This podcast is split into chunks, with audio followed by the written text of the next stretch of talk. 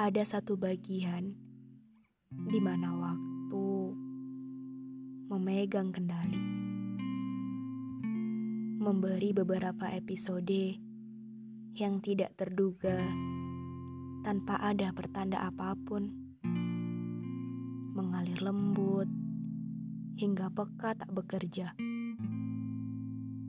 Sebuah pertemuan, entah itu singkat atau lama, datangnya saja tiba-tiba,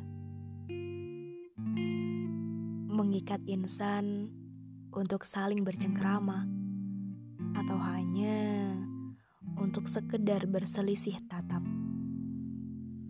menawarkan sebuah candu yang memikat, mengisi ruang yang sudah lama kosong dan juga menjalin rajutan kisah yang sudah lama mati. Pertemuan bisa jadi sebuah cerita yang panjang. Awal dan akhir masih terlalu jauh untuk ditebak. Membunuh tiap detik dengan detak memori yang manis. Atau Pertemuan bisa jadi hanya sebuah film pendek. Awal dan akhir yang mudah sekali ditebak.